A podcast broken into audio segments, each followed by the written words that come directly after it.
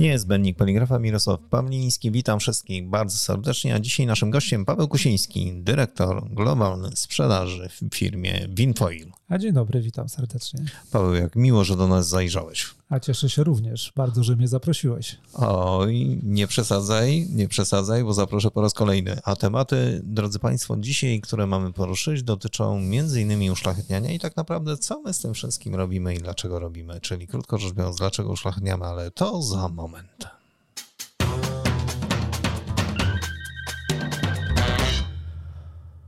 To o co chodzi z tym uszlachetnianiem, No właśnie, dobre pytanie, bo e, każdy sobie zadaje to pytanie, dlaczego uszlachetniamy, tak?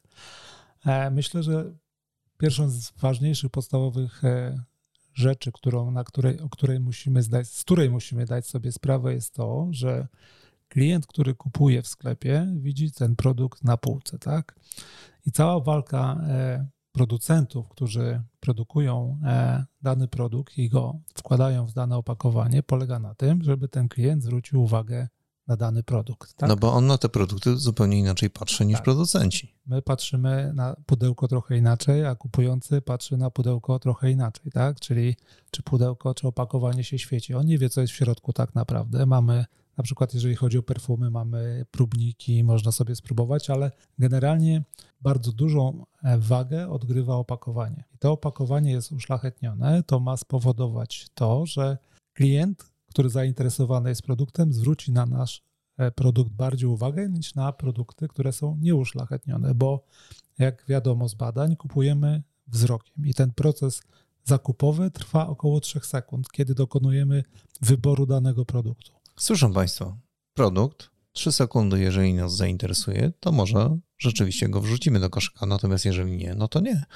To są badania, czyli wyniki badań, gdzie badamy konsumenckie przyzwyczajenia, Tak, to tylko nie przyzwyczajenie, ale to też jakby reakcje. reakcje mózgu, tak, które wpływają na podejmowane przez nas decyzje. Bo to jest taki schemat, który jest wykorzystywany też e, w produkcji opakowań i ci wszystkie działy marketingu czy agencje reklamowe, one doskonale znają te badania i wiedzą, jak ten proces się odbywa. W związku z tym, jak uszlachetniamy opakowanie, to musimy je w taki sposób uszlachetnić, żeby nasz produkt stał się bardziej atrakcyjny od produktów konkurencji, które oczywiście też mają te badania i też próbują stworzyć e, opakowanie ba- bardziej atrakcyjnie wyglądające na półce. I z tego e, jakby wynika, że uszlachetniamy opakowanie po to, żeby nasz produkt stał się bardziej atrakcyjny jakby wizualnie dla klienta. Ale to są takie trendy, gdzie rzeczywiście to uszlachetnianie no, coraz bardziej będzie wykorzystywane, czy, czy raczej odwrotnie, czy tylko w tym niewielkim, małym zakresie? Jak to jest tak naprawdę z tym uszlachetnianiem, powiedz mi, bo, bo my jesteśmy na takim terenie, czyli Polska i te kraje, powiedzmy, dawnego bloku wschodniego, tu liczy się, żeby te złoto kapało. No, Natomiast jak patrzę na opakowania te, hmm, powiedzmy, krajów zachodnich, no to to wygląda zupełnie, zupełnie inaczej, bo no tam one się stają bardziej takie, powiedzmy, pro-eko. Znaczy, generalnie to nie do końca się zgodzę z tym, no bo jeżeli weźmiemy e, produkt, jeżeli chodzi o rynek beauty, tak, mamy perfumy, mamy farby do włosów, tak, to te wszystkie produkty, e, czy to są produkowane w Polsce, czy są produkowane w innych krajach, e, są uszlachetniane. Są uszlachetniane. Na przykład miałem e, ostatnio spotkanie z klientem, który e, używa aż e, 7 razy, przepuszcza przez e, maszynę e, do hot stampingu opakowanie, żeby je w odpowiedni sposób uszlachetnić i tak Siedem razy? Siedem razy.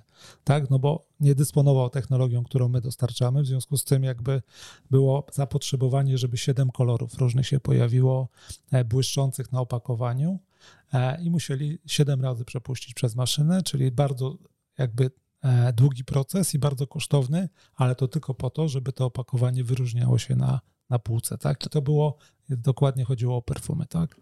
To poczekaj, to jeszcze wyjaśnię jedną rzecz. Podałeś taką nazwę, hot stamping. To krótko chociaż wyjaśnij, co kryje się pod tą nazwą. Hot stamping to jest uszlachetnienie na ciepło, tak? Czyli jakby transfer e, tej e, warstwy uszlachetniającej na arkusz zadrukowany. Ale mówiłeś jeszcze o dwóch innych, bo w sumie wymieniłeś trzy. To powiedz jeszcze dwa słowa o tych dwóch innych pozostałych. No mamy arkusz metalizowany i mamy cold transfer, który jakby jest technologią, którą promujemy na rynku.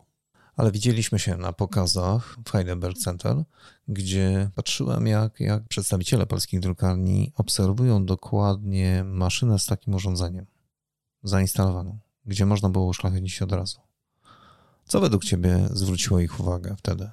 Ja myślę, że takim e, znaczącym czynnikiem, który zwrócił na nich, e, który zwrócił uwagę e, wtedy drukarni, to było to, że ten proces uszlachetnienia odbywa się inline'owo w jednym procesie.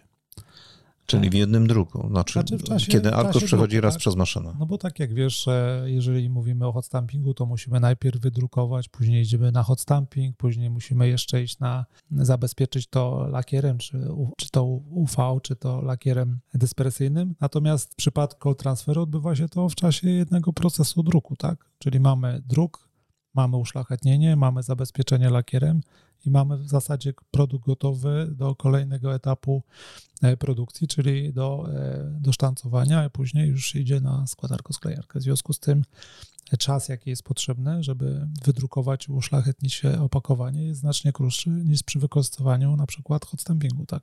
No czas i koszty chyba. No zdecydowanie tak, no bo tutaj nie wykorzystujemy dodatkowych e, narzędzi, które, czy klisz, które są potrzebne do uszlachetnienia w odstampingu. Tutaj stosujemy normalnie e, matrycę offsetową. W czasie produkcji nic się nie zmienia zasadniczo. Mamy tych samych operatorów, mamy znacznie większe prędkości, bo mamy możliwość pracy z e, dedykowaną prędkością maszyny, która jest 18-20 tysięcy. Oczywiście w zależności od tego, jaki mamy druk, no wszyscy zaczną się pewnie ze mnie śmiać, że oj, nie można to zrobić za 18 czy 20 tysięcy. Ale to do tego za moment przejdziemy. Tak, ale myślę, że jesteśmy w stanie to pokazać i zachętnie e, zachęcamy do takich e, właśnie odwiedzin, czy to w jednej, czy w drugiej firmie, żeby, żeby to zobaczyć. E, to na co ja jeszcze zwróciłem uwagę, bo ty mówiłeś wtedy to podczas tej prezentacji, że e, w tych kosztach związanych bezpośrednio, czyli na przykład w tych dodatkowych kosztach jeszcze są koszty pracowników, czyli po prostu zupełnie inne koszty na tej dalszej produkcji, jeżeli używamy tych dodatkowych technologii, które również zabierają dodatkowy czas. No bo to jest nie tylko czas, ale to też jest pracownik. To też oczywiście trzeba pamiętać o tym, że te. Nawet ilości błędów, które można popełnić po drodze, chyba, znaczy to, to chyba tutaj są zminimalizowane. Kwestia czasu przygotowania, tak? Przepraszam ci, że ci wszedłem tak. w słowo, ale to też jest e, kwestia przygotowania samego e, procesu e, druku, tak? No druk się przygotowuje, drukujemy i mamy produkt gotowy z call transferem. Jeżeli idziemy na przykład do, do kolejnego etapu, jeżeli nie mamy call transferu, a mamy hot stamping, no to musimy wydrukować, to jest jeden czas, później musimy iść do hot stampingu, mamy czas przygotowania. I wszyscy wiemy z doświadczenia, że aby przygotować i dobrze spasować druk z matrycami do hot stampingu, to czasami potrzeba 8 godzin. No i dodatkowe materiału, żeby no, w ogóle. Materiał, to jest materiał. Ale to jest materiał to drogi. Matryce, tak w zależności, czy to są e, matryce magnezowe, czy, czy innego rodzaju. To wszystko kosztuje. To trzeba o tym pamiętać. No i sa, samo to, że czas przygotowania jest długi, a w kolejnym etapie te maszyny, które dzisiaj mamy do hot stampingu, one nie są wybitnie szybkie, bo średnia prędkość to jest w granicach między 3,5 do 5 tysięcy. W porównaniu do tego, co możemy osiągnąć na maszynie drukującej, to według mnie eliminacja takiego procesu zwiększa jakby produktywność i zyskowność drukarni. Tak? To nie tylko chodzi o to, że możemy zrobić szybciej, ale dzięki ograniczeniom w procesach możemy też zwiększyć zyskowność dla drukarni, co jest dzisiaj bardzo istotnym elementem. A ja spotkałem się tam jeszcze z, takim mitem, że o, to można tylko dokupić do maszyny nowej. Nie, nie, nie. To, to jest nieprawda. Mamy tutaj instalacje nawet i w Polsce, gdzie żeśmy te przystawki nasze zakładali na maszyny już, e, które na, na co dzień pracują w drukarniach. Ale powiedziałeś przystawki. Tak, bo to jest jakby przystawka, tak? To jest maszyna, która stanowi dodatkowy element do maszyny drukującej, tak? Którą montujemy na maszynie drukującej. Tak, nazywamy to przystawki. To jest taki dodatkowy element. Naszym gościem Paweł Kosiński, dyrektor globalny sprzedaży w firmie Winfoil.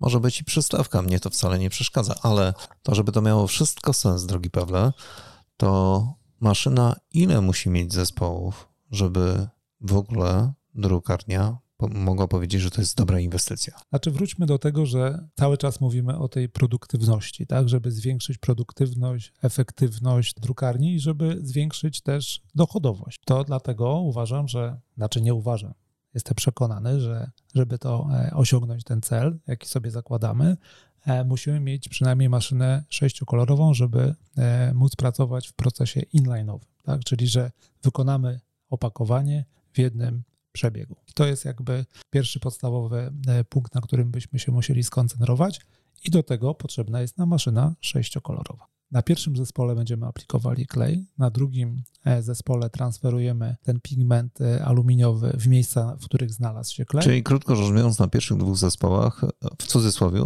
stawiamy tą przystawkę. Nie, stawiamy na zespole numer dwa, bo tam na, e, następuje ten transfer tego pigmentu aluminiowego. Na pierwszym zespole mamy klej i tam nie ma przystawki, na drugim zespole jest przystawka, która pozwala nam przetransferować ten pigment aluminiowy w miejsca, w których znalazł się klej. No i na zespołach od e, e, trzeciego do szóstego zadrukowujemy cmykiem i mamy produkt gotowy.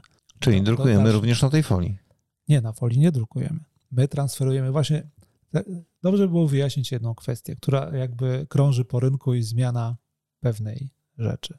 No właśnie. Nazewnictwa, bo tutaj e, wszyscy jakby mówimy o cold foilu a ja tego jakby sformułowania nie używam codziennie, w codziennej mojej pracy, bo to nie jest cold foil. My nie, nie mamy nic wspólnego z, foil, z folią.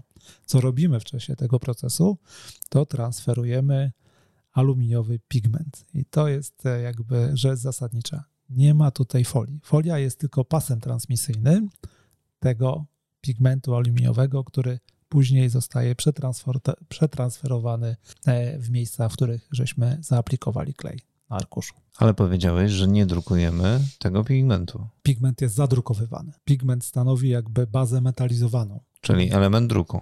Czyli jest, część tego druku. Część oczywiście jest częścią elementu, e, część jest elementem druku. Albo tego wzoru, który tam jest drukujemy. To, jest to wzór, który chcemy uszlachetnić, tak? Czyli musimy sobie wyobrazić, że mamy arkusz, mamy miejsce, które chcemy uszlachetnić. To miejsce, czyli na pierwszym zespole mamy matrycę, gdzie znajduje się ten obraz, który chcemy uszlachetnić. Transferujemy klej na arkusz na pierwszym zespole i na drugim zespole, w miejsca, gdzie się klej znajduje, przetransferowany jest pigment. I później na kolejnym zespole zadrukowujemy, czyli mamy cmyka, czy mamy kolory specjalne, w zależności od tego, jaką mamy konfigurację maszyny, możemy ten uszlachetniony e, obraz zadrukować. I wtedy nam powstają różne jakby barwy kolorów, które są uszlachetnione, no bo wiadomo, w cmyku możemy zrobić różne, różne rzeczy. kolory i, i, i, to na tym polega, że to uszlachetnienie jest dowolne, tak? I tutaj nie ma ograniczeń jakby w projektowaniu danego opakowania, bo tutaj barwę kolorów mamy nieograniczone. No hot stamping nas ogranicza, taki skrót myślowy, bo ci co wiedzą, że hot stamping to będzie jeden kolor, żeby uszlachetnić i ciężko jest go zadrukować, w związku z tym jeżeli przejdziemy do call transferu, to wiemy, że mamy przetransferowany e, pigment metalizowany, który możemy zadrukować dowolnie i stworzyć dowolną gamę kolorów. Wiesz co, ale ja powiem Ci o jeszcze jednym micie, e, który słyszałem, że tutaj są bardzo duże spady, odpady. To tak jak no, tej folii, tak? wiesz, tak, nie, ta, nie, z tej folii. Znaczy, to, to, to, zależy, jakie urządzenie się stosuje, tak? No bo są różne urządzenia na rynku i są urządzenia, które e, oszczędzają mniej, a są urządzenia, które oszczędzają więcej. Ale ja mówię o tym micie, dlatego że ja widziałem wasze urządzenie, tą przystawkę pracującą i ja nigdzie tam nie widziałem czegoś takiego, żeby tam były jakieś e, niesamowite spady w ogóle coś, co można wyrzucić, potraktować jako, jako już bezużyteczne. Znaczy, to jest e, taka technologia, którą mamy opatentowaną. Mamy jakby unikatowy system oszczędzania folii, który, tak dla przykładu, zobrazuje może, pozwala, ten mamy, w zależności oczywiście od layoutu, jaki znajduje się na arkuszu, pozwala zaoszczędzić w stosunku do arkusza metalizowego do 85% materiału. Ile? 85%. To, to, w tych, to w tych materiałach to są niezłe koszty. No to są koszty e, bardzo duże. Przy, poza tym przy arkuszu metalizowanym musimy stosować biel kryjącą, przy transferze nie, no bo zostawiamy po prostu e, arkusz niezadrukowany i mamy tą biel taką naturalną. E, także dużo rzeczy jest, które mają wpływ na produkcję, nie tylko to, że oszczędzają materiał, oszczędzamy też farbę. Tutaj jakbyśmy weszli bardziej głęboko w szczegóły, to okaże się, że ta produkcja może być o 30-40% czasami tańsza niż to, co dzisiaj wykonujemy. W związku z tym ten call transfer nie tylko stał się popularny wśród drukarni, ale staje się też e, popularny wśród e, e, tych, którzy zlecają te drukowanie opakowań, bo oni też śledzą rynek, śledzą trendy, zapoznają się z nowymi technologiami i doskonale wiedzą, że call transfer może obniżyć koszt e, jakby opakowania, tak? I to opakowanie może wyglądać o wiele bardziej atrakcyjnie. Może wyglądać lepiej, ale może być też i tańsze, tak? I zyskują na tym dwie strony. Ten, który zleca opakowanie, może wie, że może je wykonać taniej i zyskuje drukarnia, która wie, że może też je wyprodukować taniej. Także to jest taki win-win e, dla obu stron. To nie jest tylko e, jakby na korzyść drukarni, tak, ale to jest na korzyść też, który to, ten druk zleca. I to jest bardzo istotne, że tutaj ten trend jest jakby już zauważony nie tylko poprzez e, tych, którzy e, zlecają te druki, ale też oczywiście drukarnie widzą, że mogą wyprodukować więcej, mogą zarobić więcej i e, biorąc pod uwagę to, co się dzieje na rynku i obniżaniu stale kosztów produkcji, ta technologia y, ma przyszłość. I ja jestem jakby wielkim orędownikiem tego, że to jest kolejna ewolucja e, na rynku poligraficznym, że call transfer może nie wyeliminuje hot stamping czy arkusz metalizowany, ale na pewno e, ilość e, druków, jaka będzie wykonywana za pomocą tych technologii versus e, call transfer będzie znacznie mniejsza.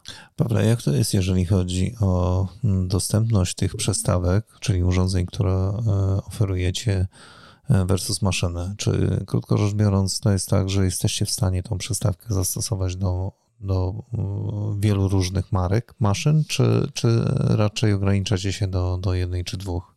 Nie no, generalnie mamy instalacje na wszystkich e, tych jakby głównych markach. Współpracujemy bardzo e, ściśle z e, Koenig Bauer, współpracujemy z Heidelbergiem, mamy instalacje na urządzeniach Komori, mamy też instalacje na, na urządzeniach EMA Roland, także tutaj jeżeli chodzi o marki, to nie ma żadnych ograniczeń. Możemy zainstalować na nowych maszynach, możemy zainstalować nasze urządzenia na maszynach, które już e, są jakby, które są w drukarniach zainstalowane i, i są maszynami do tej pory używanymi.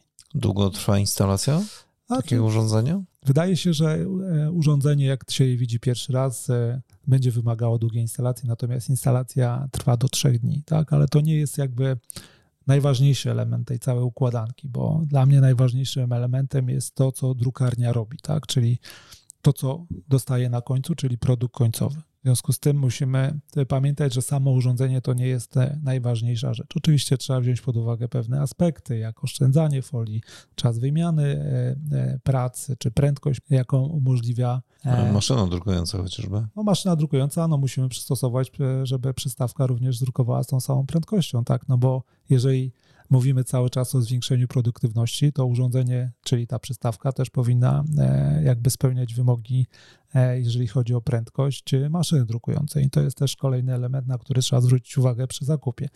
Natomiast dla mnie najważniejszym elementem jest to, co drukarnia dostanie na końcu, bo drukarnia sprzedaje produkt końcowy. Ona nie sprzedaje oszczędności folii, ona nie sprzedaje, jak przystawka jest e, ładna, czy, czy zainstalowaliśmy ją w dwa czy trzy dni, tylko drukarnia sprzedaje produkt końcowy. I teraz jest najważniejszym elementem to, jak szybko będzie mogła i w jaki sposób uzyskać maksymalną jakość, czyli jak zostanie przeszkolony zespół, który będzie jakby wyznaczony do tej produkcji tego, tego końcowego produktu z call transferem. I to jest jakby istotnym elementem dla mnie najbardziej, że nie tylko ma iść za e, sprzedażą maszyna, ale ma też iść wiedza. I na tym kładziemy, na to kładziemy bardzo duży nacisk.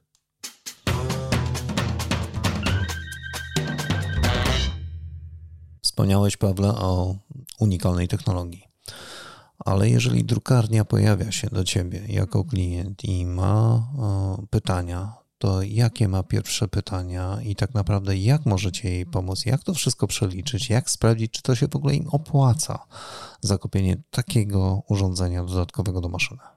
Znaczy, pierwszym zawsze pytaniem, jak się, jakie się pojawia, co możemy zaoferować, jeżeli chodzi o oszczędność folii, tak? No i to jest pierwsze pytanie zawsze się, które pojawia e, i zadaję drugie pytanie. Zadaję pytanie, co po, tak? Oszczędzimy folię, ale są jeszcze trzy czy cztery różne jakby aspekty produkcji, które też należy wziąć pod uwagę. Ale wracając do Twojego pytania, później jakby wytłumaczę o co chodzi. E, jak, jak, e, jakie pojawia się pytanie? Pojawia się pytanie o oszczędność folii. To jest zawsze pierwsze pytanie, bo każdy chce oszczędzać materiał.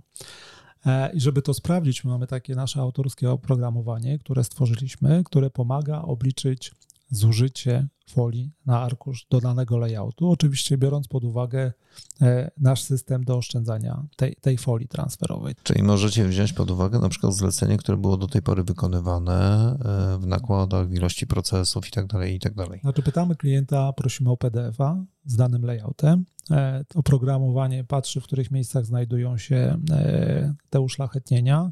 Też potrzebuje informacji, jaka, na jakiej maszynie to będzie drukowane.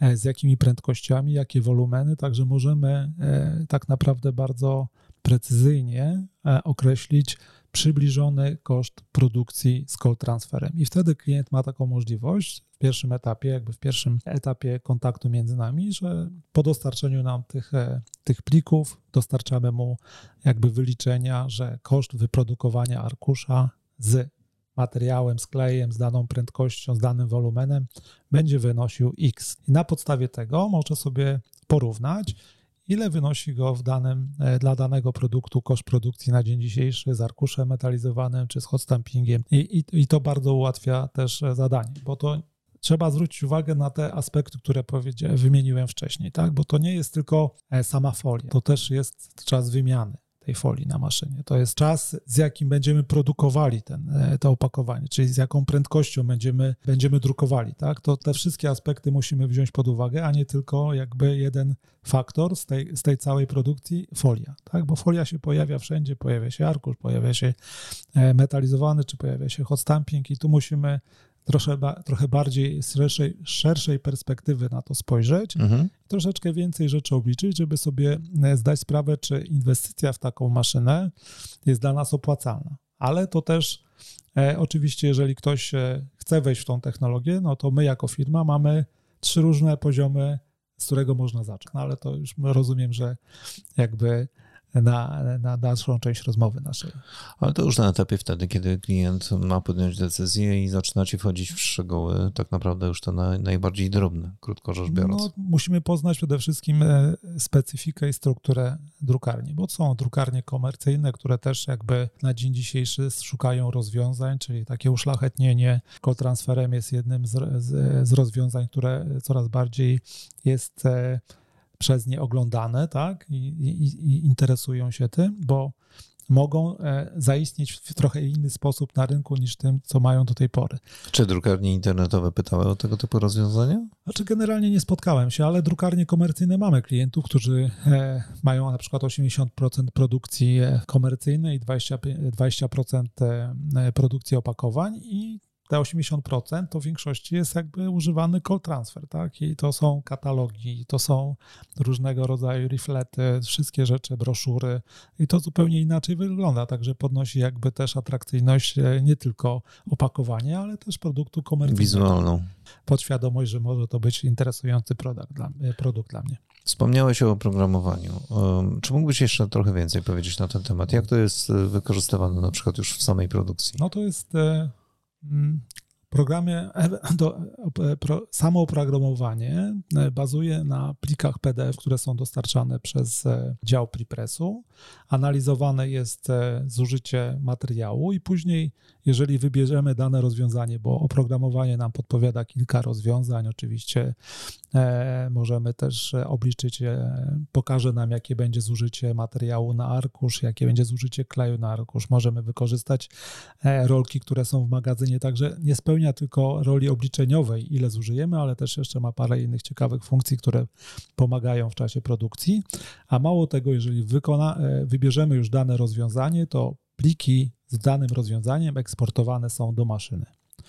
I pozwala to operatorowi ustawić maszynę automatycznie. Także nie ma tutaj na słowo honoru, czy tam szukania jak to ustawić. Wszystko jest, maszyna ustawia się automatycznie pod daną pracę i to też jest jeden z elementów, który trzeba wziąć pod uwagę, że zmniejszenie czasu przygotowania pracy do minimum. Także to też jeden z elementów, o których mówimy, czyli zwiększenie tej produktywności, efektywności pracy e, drukarni. Ile w Polsce jest e, tego typu instalacji? E, w Polsce generalnie, mówię, ja mówię, teraz podam jakby liczbę instalacji wszystkich, tak, nie uwzględniających nasze urządzenia, to wszystkich instalacji jest w tej chwili ponad 20, z tego połowa stanowią urządzenia naszej firmy. Co ciebie najbardziej zaskoczyło przy instalacjach? Generalnie mnie nie zaskakuje już po 30 latach zbyt wiele w poligrafii, więc e, takich kiedyś, może taką anegdotę tylko, taką anegdotę opowiem, która, z którą się spotkałem, jak zaczynałem swoją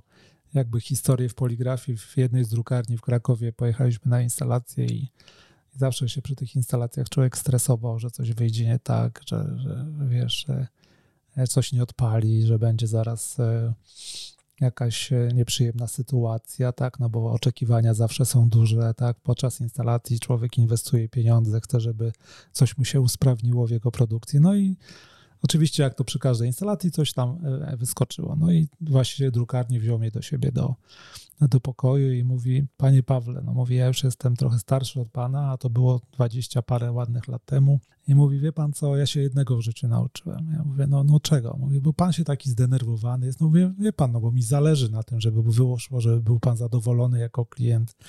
A mówi: Wie pan, nauczyłem się jednej rzeczy Mówi, nie ma się czym denerwować, niech pan to zapamięta na całe życie, że w poligrafii jest tak, że każda maszyna musi przejść swoją grypę. No i mówi, dwa tygodnie wszystko się ułoży i będzie ta maszyna pracowała, ja się nie denerwuję, jako właśnie, jako kupujący to pan tym bardziej nie powinien się denerwować jako sprzedający i od tamtej pory zawsze jak robimy jakąś instalację, to już raczej mnie nic nie zaskakuje, bo wiem, że nie ma takiej instalacji, żeby się nic nie wydarzyło. Zawsze się coś wydarzy.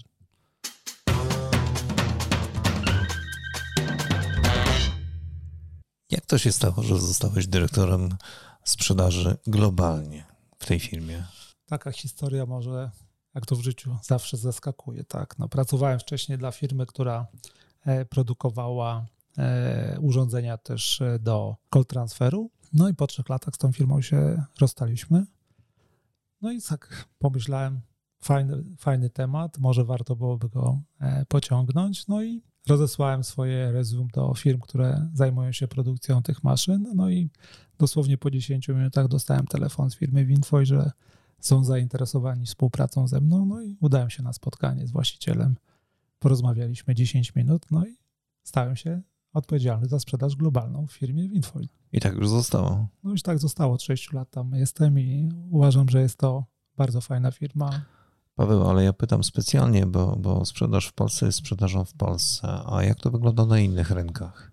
Znaczy, generalnie jako firma mamy w tej chwili można powiedzieć, że osiągnęliśmy taki pułap, że jesteśmy naj, naj, najczęściej kupowanym produktem, jeżeli chodzi o call transfer na świecie. Tak? To firma jest młoda stosunkowo, bo powstała w 2007 roku. E, I takim przełomowym momentem był 2016 rok, kiedy przedstawiliśmy urządzenie serii Optima i do tej pory sprzedaliśmy e, ogólnie na świecie ponad 70 tego typu maszyn. Także ja pracuję od 2016 roku i skoncentrowaliśmy się w pierwszej fazie na rynku europejskim. E, skupiliśmy się w tym momencie bardziej na rynku amerykańskim i na południowej Ameryce, gdzie już mamy e, swoje pierwsze instalacje. To już po samej instalacji wyzwanie dla drukarni? Jakie jest największe?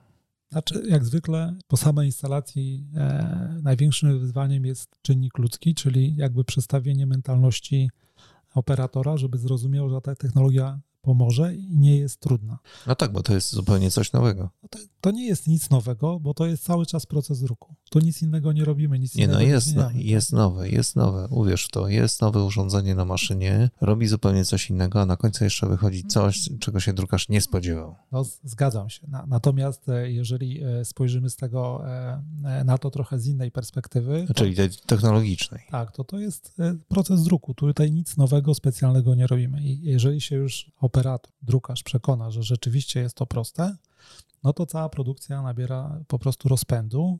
Natomiast najważniejszą jakby kwestią tego całego przedsięwzięcia jest to, to co już mówiłem wcześniej, aby zapoznać się e, z możliwościami technologii, czyli dobrać odpowiedni e, klej, żeby, do, żeby dobrać odpowiednią folię, żeby... Ale pomagacie w tym wszystkim? Tak, tak, właśnie o tym mówię. Ja przychodząc do firmy, jakby powiedziałem, że nie tylko chciałbym brać udział sprzedaży, ale chciałbym, żebyśmy stworzyli coś, co będzie jakby też naszą wizytówką, jeżeli chodzi o know-how. Bo tak jak Ci mówiłem wcześniej, nie jest ważne, jaką sprzedaję przystawkę, jakie ona będzie miała funkcję, ale ważne, co ta drukarnia sprzedaje na końcu. I my musimy doprowadzić do takiego etapu, żeby wszyscy czuli się komfortowo i żeby produkowali najwyższej jakości produkt.